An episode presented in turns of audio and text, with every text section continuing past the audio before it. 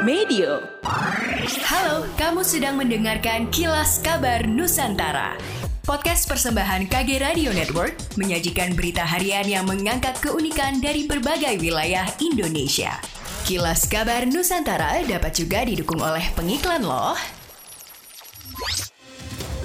Angka kasus GHPR atau gigitan dari hewan penular rabies di Sulawesi Utara terbilang cukup tinggi. Hingga Juli 2023, Dinas Kesehatan mencatat ada sebanyak 3.007 kasus gigitan anjing yang terjadi di sejumlah wilayah di Sulawesi Utara. Sementara untuk kasus lisa atau kematian akibat rabies hingga Juli 2023 ada sebanyak 11 kasus. Dinas Kesehatan melalui Arthur Toy, Kepala Seksi Pencegahan dan Pengendalian Penyakit Menular dan Krisis Kesehatan mengatakan ketersediaan vaksin anti rabies di Dinas Kesehatan Sulawesi Utara masih cukup aman di angka 11.000 vial. Menurut Arthur, vaksin tersebut masih harus dibagikan ke sejumlah daerah di Sulawesi Utara sesuai dengan angka kasus di masing-masing daerah. Warga dihimbau segera membawa korban gigitan atau cakaran hewan penular rabies ke fasilitas kesehatan terdekat dan tidak menunda-nunda waktu perawatan medis, sebab akan sangat berbahaya jika tidak segera ditangani secara medis. Gubernur Sulawesi Selatan Andi Sudirman Sulaiman menjadikan pembangunan infrastruktur jalan dan jembatan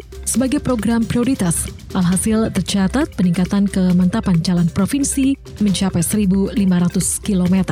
Berdasarkan data Dinas Bina Marga dan Bina Konstruksi Sulawesi Selatan, pembangunan jalan yang telah dilakukan sepanjang 689 km.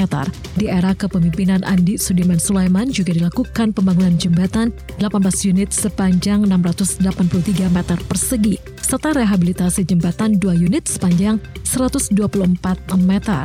Kepala Dinas Bina Marga dan Bina Konstruksi Sulawesi Selatan Asina Abbas menyampaikan, pembangunan infrastruktur jalan dan jembatan menjadi prioritas Gubernur Andi Sudirman Sulaiman, khususnya jalan dengan lalu lintas harian rata-rata LHR tinggi. Tak hanya itu, jalan dihadirkan untuk membuka akses ke daerah terisolir. Selain pembangunan jalan dan jembatan, pihaknya juga melakukan pelatihan dan sertifikasi kepada tenaga ahli 840 orang. Hal ini dalam rangka meningkatkan kualitas sumber daya manusia di bidang konstruksi. Desa Ngeranca dan Desa Besuki, Kecamatan Panggul, Kabupaten Trenggalek, Jawa Timur merupakan desa pertama yang lebih dulu mengalami kekeringan sehingga warga mulai kesulitan mendapatkan air bersih. Selain suplai air bersih, permintaan bantuan peralatan penampungan air bersih di beberapa desa lain seperti Tandon Air, Jirigen, dan Terpal juga dibutuhkan warga di desa Kecamatan Suruh, Kecamatan Munjungan, hingga warga desa di Kecamatan Panggul, Trenggalek untuk menunjang ketersediaan dan cadangan air bersih yang bisa digunakan untuk mencukupi kebutuhan sehari-hari.